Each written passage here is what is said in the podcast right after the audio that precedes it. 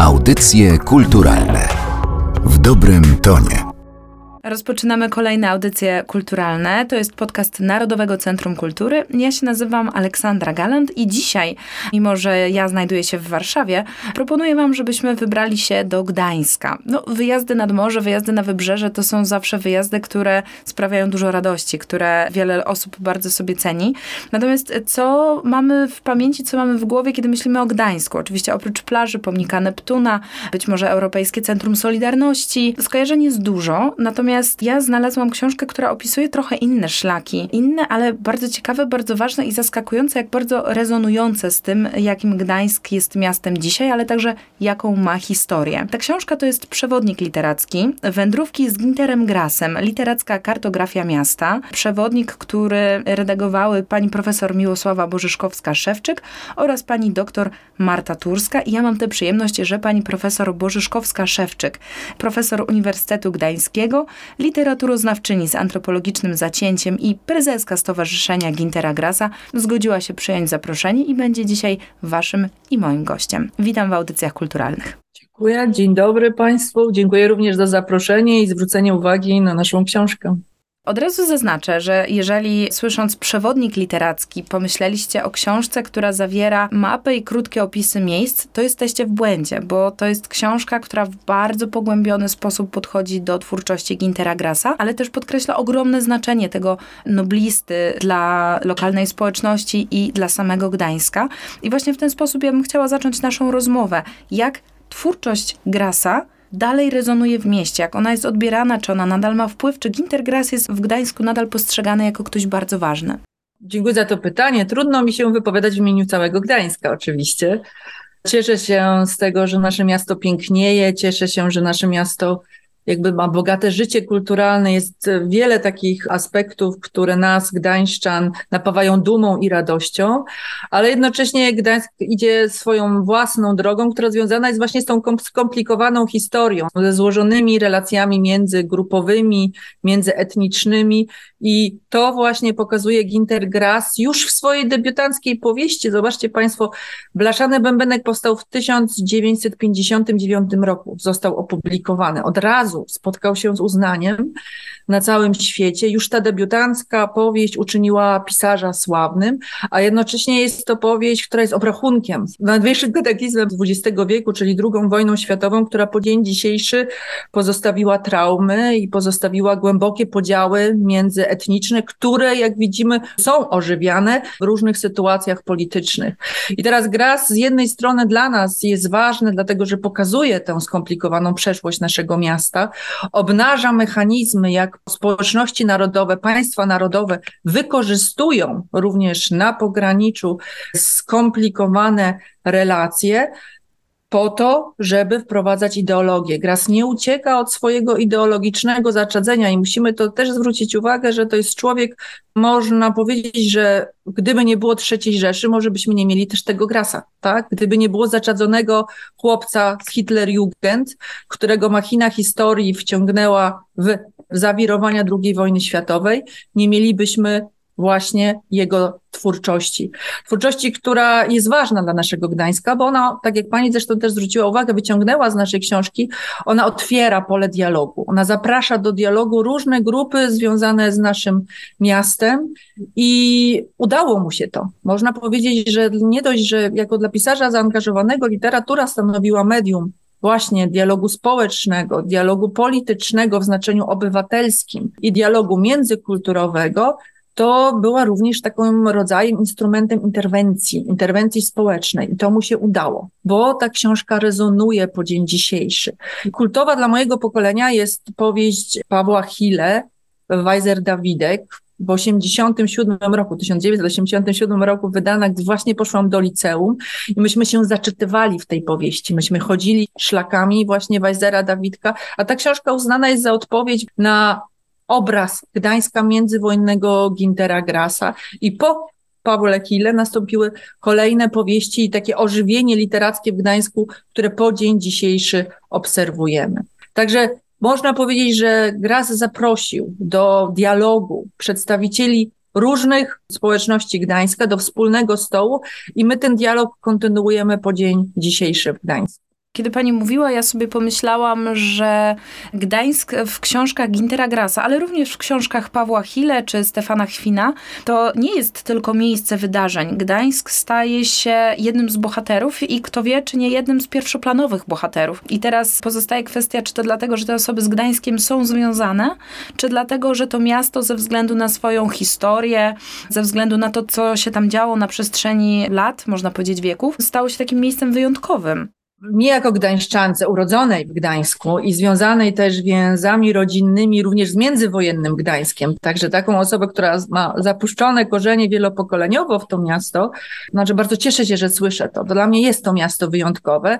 My tu w Gdańsku mówimy o genius loci, o czymś takim, że to miasto przyciąga i tak łatwo stać się gdańszczaninem, poczuć się częścią tego miasta, właśnie ponieważ to miasto proponuje otwartość. Jest to oczywiście też wpływ tego, że jest to miasto portowe, miasto, które zawsze patrzyło dalej niż do granicy, nawet jeśli było postrzegane przez centra narodowe jako miasto przygraniczne, czy też pogranicze w znaczeniu peryferii, jest to miasto zawsze, które wyglądało, patrzyło dalej. I ten duch po dzień dzisiejszy my pielęgnujemy bardzo świadomie też myślę w Gdańsku. Też chcielibyśmy, żeby to było szanowane, że nasza osobna droga, jeśli można tak to nazwać, związana jest z naszą skomplikowaną, złożoną, kompleksową historią tego miejsca pomiędzy i na styku jednocześnie kultur, narodów, a jednocześnie my traktujemy to jako nasze bogactwo i nasz potencjał kulturotwórczy. Ta historia, o której pani tak pięknie mówi, że jest przez Gdańszczan pielęgnowana, to też nie jest historia przecież łatwa. To nie jest tak, że w Gdańsku dzieją się rzeczy, do których zawsze można wzdychać z tęsknotą, które można z nostalgią wspominać. Przecież to jest, tak jak pani mówiła, pewne zaczadzenie, ale też kwestia wyjazdów. Wiele osób z Gdańska musiało wyjechać, o tym chociażby pisze w swojej powieści Stefan Chwin w Hanemanie, ale w twórczości Gintera Grasa też takie wątki znajdziemy. Dokładnie, Gras pokazuje to miasto, no raz oczywiście jako miejsce zaczadzenia ideologicznego. Perwerie trzeciej Rzeszy i na przykładzie Gdańska pokazuje, jak w życiu społecznym, jak w społeczności miasta ta ideologia narodowego socjalizmu zyskiwała coraz więcej zwolenników, jak wciągała kolejne pokolenia. To jest jedna Druga to moim zdaniem jest właśnie, że jest Gdańsk jest bohaterem, bohaterem jako miasto tego pogranicza, co niekoniecznie powraca w recepcji miasta. Tej kanonicznej niemieckiej recepcji nie ma mowy o na przykład o pograniczu, tylko że jest to miejsce zaczadzenia ideologicznego i również w polskiej recepcji to pogranicze nie zawsze się przebija. Często mówi się, że pokazuje miasto z niemieckiej perspektywy, z czym ja się na przykład nie zgadzam, a każda książka jest jakby wynikiem niedosytu. Tego, gdzie nie zgadzamy się, mamy coś do powiedzenia i chcemy dopowiedzieć, że można spojrzeć na to miasto inaczej. I z tego właśnie niedosytu powstała ta książka. Jest bohaterem, jest pograniczem, gdzie właśnie jest pokazane, jak ten styk kulturowy funkcjonuje, jak mechanizmy życia społecznego są raz sterowane ze strony centrum kultury dominującej, a z drugiej strony, jak z nimi musi się konfrontować człowiek. Człowiek, dla którego niejednoznaczność jest częścią codzienności, a nie jednoznaczne przypisanie do narodów. Miejsce jest ważne, gdzie żyje, a niekoniecznie państwo jest na pierwszym miejscu, ponieważ już życie w tym miejscu wymaga wielu wyborów, które nie są dla tych jednostek ważne. Wróćmy do tego stołu Gintera Grasa, stołu Oskara Macerata, o właśnie. Co się dzieje przy ulicy Lelewela, gdzie wzrasta Oskar Macerat, czyli najbardziej znany bohater powieści Gintera Grasa, który zresztą wraca w kolejnych również powieściach. To się spotyka. Oskar jest wynikiem związku. Ojciec Niemiec z Nadrenii, ojciec, który dał mu nazwisko, matka Kaszubka miejska kaszubka, jak to Gras również nazywał. Tutaj też odnajdujemy od razu biograficzne wątki. I jednocześnie kuzyn matki, który jest częścią tego trójkąta małżeńskiego, jej przyjaciel jeszcze od dzieciństwa, Kaszuba, Polak, pracownik Polskiej Poczty. Znajdujemy taki opis tych relacji, które są wokół Oskara Macerata, przy czym ten opis z innych perspektyw jeszcze inaczej jest dopełniony. W każdym razie przy tym stole w domu na Lelewela spotyka się właśnie rodzina Maceratów plus krewność kaszubska, czyli część z nich wybiera opcję niemiecką, część polską, ale tak naprawdę jest to takim wynikiem splotu okoliczności, a niekoniecznie też świadomych wyborów poszczególnych osób. I wszyscy spotykają się przy tym skacie rodzinnym, grają, spędzają razem weekendy, wolny czas, razem wychowują dzieci do momentu, gdy wkracza wielka historia, która każe się opowiedzieć, po której są stronie i w tym momencie te relacje zostają rodzinne również zaburzone. Więc pokazuje, w jaki sposób człowiek musi się konfrontować z wielką historią i jak często wybór narodowości jest dziełem splotu, tej geopoetyki, wyborów w danym momencie historycznym. Pani wspomniała o domu przy ulicy Lelewela, gdzie Ginter Grass spędził dzieciństwo. No i może w ten sposób przeniesiemy się do Wrzeszcza, bo to jest dzielnica, tak się nawet mówi, że to jest noblista z Wrzeszcza. Wrzeszcz to była dzielnica bardzo ważna dla Gintera Grassa, ale mam też wrażenie, że mimo, że on przedstawia taki trochę mikrokosmos świata dorastania, to to nie zawsze są takie opisy sielankowe. To nie jest Arkadia dzieciństwa. Zdecydowanie nie jest to Arkadia dzieciństwa. I Grasowi nie można zarzucić takiej tęsknoty, takiego sentymentalizmu, jak sobie wyobrażamy, często w powieściach kresowych również jest, czy tego powrotu do, do życia bez takiej codziennej idylii. To jest miejsce trudne, to jest miejsce, gdzie trzeba się odnaleźć, gdzie trzeba znaleźć swoją drogę, ale jest to miejsce formujące. I to jest miejsce, które naznacza na całe życie i pokazuje właśnie, że świat nie jest taki jednoznaczny, jak często jest to nam przekazywane w socjalizacji.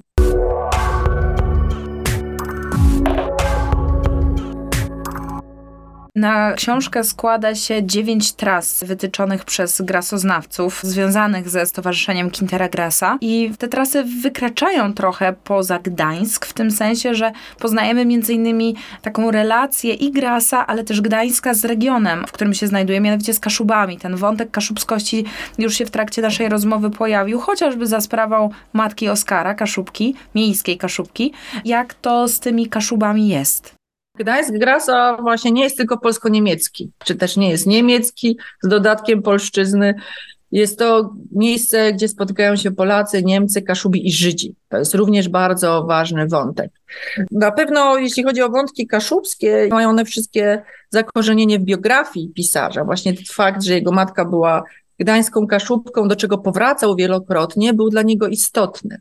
Gdy czytamy powieść jego autobiograficzną, czy też autobiografię literacką przy obieraniu cebuli, jest tam wyraźne wskazanie, dlaczego pojawiają się właśnie te wątki kaszubskie i żydowskie, po to, żeby pokazać inne wspomnienia, po to, żeby uzmysłowić, że oprócz tych narracji narodowych są narracje mniejszości, które są zupełnie inne niż te opowieści, które uczymy się w szkole. I tu ten wątek biograficzny kaszubskości jednocześnie ma od razu funkcjonalne znaczenie.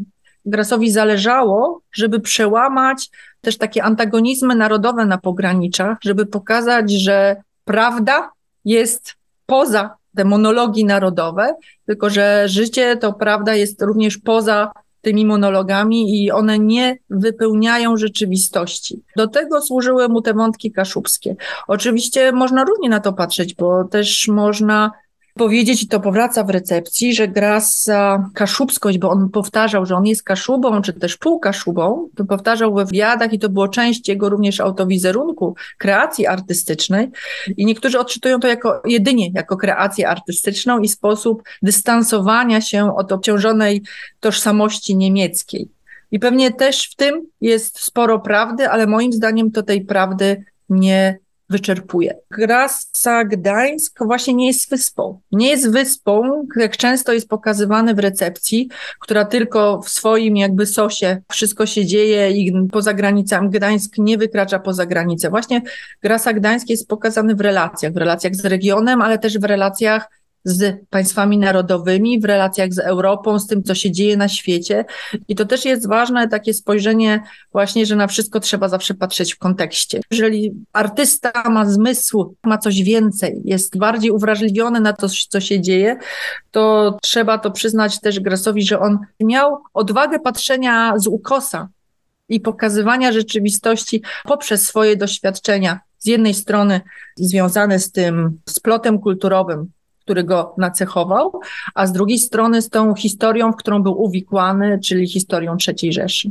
W nawiązaniu do tej odwagi, o której pani mówiła, ja sobie pozwolę przywołać słowa sekretarza Akademii Szwedzkiej, która w 1999 roku przyznała Ginterowi Grassowi Nobla. On pisał, że w blaszanym bębenku Ginter Grass podjął wielkie zadanie zrewidowania historii swojego czasu, wydobywając na wierzch to, co zakłamane i zapomniane. I myślę, że to jest pewną taką klamrą i podsumowaniem tego, co pani przed chwilą powiedziała. Cytat z dziennika Ślimaka o roli pisarza. Grass narrator definiuje, na czym polega dla niego bycie pisarzem. Szukać trupa we własnej piwnicy, nazywać.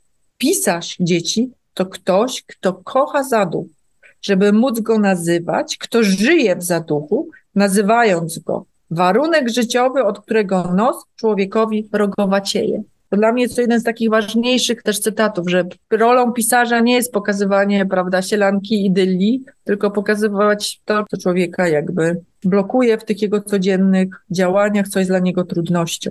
Profesor Peter Oliver Lüff, niemiecki historyk i jednocześnie badań historii Gdańska, mówi o historii alternatywnej, którą Gras zaproponował. I poszliśmy tropem też tym dalej, żeby wskazać na to, na czym polega ta alternatywność właśnie tego spojrzenia Grasa, no to no właśnie skomplikowaną przeszłość pogranicza.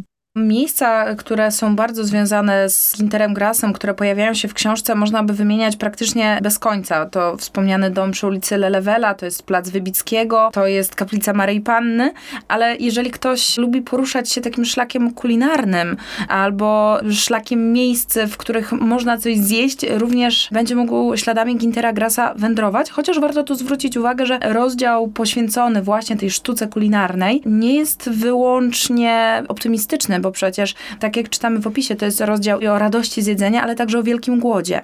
Rozdział ten napisała dr Marta Turska i bardzo się cieszę, że udało się ją namówić do pracy nad tą książką, bo tak jak ten przewodnik jest taką ideą fix, która już od lat za mną chodziła, żeby pokazać to takie gdańskie też odczytywanie Grasa i jak ten obraz Grasa rezonuje, byłoby to o wiele trudniejsze zadanie, gdyby nie udało się tego właśnie zrobić wspólnie z dr Martą Turską i udało się ją namówić na ten rozdział, co też nie było łatwe. I tak jak pani napisała w mailu, on urzeka, dokładnie. Gras był nie tylko pisarzem, nie tylko był rzeźbiarzem, nie tylko grafikiem i malarzem, również był zapalonym kucharzem. Tylko znowu nie był tylko kucharzem hobbystą znowu, bo wszystko, co robił w życiu, wykorzystywał w jakiś sposób do opisu świata, do pokazania złożoności świata i od razu nadawał temu zupełnie inny wymiar niż ten, który kojarzymy z codziennością. Więc kuchnia dla Grasa raz to była przestrzeń, gdzie można było pokazać złożone kulturowe właśnie sploty, a jednocześnie pokazać inne spojrzenie na historię. Czyli Turbot, jego powieść z lat 70., jest to fascynująca powieść. Myślę, że warto wrócić do niej, przeczytać, bo z jednej strony pokazuje to jakby zmagania pisarza, który miał w sobie taki patriarchalny rys z feminizmem lat 70. w Niemczech, również poprzez jego osobiste doświadczenia, to z drugiej strony też dopowiada kobiecy wątek historii właśnie poprzez postacie kucharek. Jest dziewięć rozdziałów, dziewięć kucharek plus dwie jeszcze dodatkowe i każda z nich zmienia bieg historii właśnie poprzez sztukę kulinarną. I teraz znajdujemy w tych powieściach Grasa bardzo dużo oraz przepisów kulinarnych. Turbot jest wręcz uznany za książkę kucharską, literacką książkę kucharską. W Stowarzyszeniu Gintera Grasa jednym z naszych takich głównych też takich imprez, do których wracamy, wydarzeń, to jest Teatr Gotowania wedle Gintera Grasa, który pierwszy prezes Stowarzyszenia Maciej Kraiński wymyślił jego koncepcję i wspólnie z, z aktorami Teatru Wybrzeże kolejne jego edycje, bodajże 15, żeśmy w historii stowarzyszenia, które w tym roku będzie świętowało dwudziestolecie swojego istnienia, żeśmy przygotowali, które za każdym razem przyciągały bardzo duże grono słuchaczy czy też uczestników, bo to były po prostu spektakle literacko-kulinarne. Jest to bardzo ważny rozdział w naszej książce, który pokazuje właśnie, jak kuchnia oddaje też złożoność przeszłości miasta, a jednocześnie jest to temat każdemu z nas bliski, bo jak spojrzymy w to, co jemy, albo w to, co spotykamy na rodzinnych naszych stołach, to za każdym razem jest to odbicie tych naszych splotów kulturowych w naszych rodzinach, pamięci rodzinnej. Więc też książki Grasa, moim zdaniem, zapraszają do wymiany wspomnień, do penetracji własnych splotów kulturowych i do uświadamiania sobie, jak przeszłość jest dla nas ważna, jak nas kształtuje, ale też jak my odpowiadamy na tą przeszłość, również jeśli chodzi o nasze codzienne wybory kulinarne. W kontekście tych pytań, o których Pani wspomniała przed chwilą, ja bym chciała jeszcze zapytać o to, w jakich okolicznościach powstawała książka, o której dzisiaj rozmawiamy. Mówię oczywiście o przewodniku literackim jego śladami. To jest efekt kilkuletniej pracy, którą też naznaczyła pandemia. Tak jak pani wspomniała, książka jest wynikiem pracy siedmiorga gdańskich grasoznawców. Wszystkich na łączy Stowarzyszenie Gintera Grasa, a jednocześnie też Uniwersytet Gdański, czyli te dwie instytucje, z którymi wszyscy jesteśmy związani w różny sposób. Książka powstała w wyniku projektu badawczo-animacyjnego który rozpoczęliśmy w roku 2020. Został zrealizowany w Pracowni Badań nad Narracjami Pogranicze na Uniwersytecie Gdańskim i w Stowarzyszeniu Gintera Grasa. I w ramach tego projektu Przeprowadziliśmy dwie edycje spacerów po mieście, które prowadzili właśnie zaproszeni do współpracy badacze twórczości Gintera Grasa i każdy z nich dzielił się też wynikami swoich badań, często wieloletnich badań. Mamy w tym gronie profesorów Mirosława Osowskiego i profesor Marion Brandt, którzy od lat zajmują się twórczością Gintera Grasa. Mamy Martę Wrublewską, która była przez kilka lat kierownikiem Gdańskiej Galerii Gintera Grasa i działała na styku sztuki wizualnej i jednocześnie literatury. W naszym gronie doktor Anna Kowalewska-Mróz, która rok temu obroniła doktorat dotyczący wątków sztuki i architektury gdańskiej w twórczości Gintera Grasa, jak Gras wchodzi w ten dialog.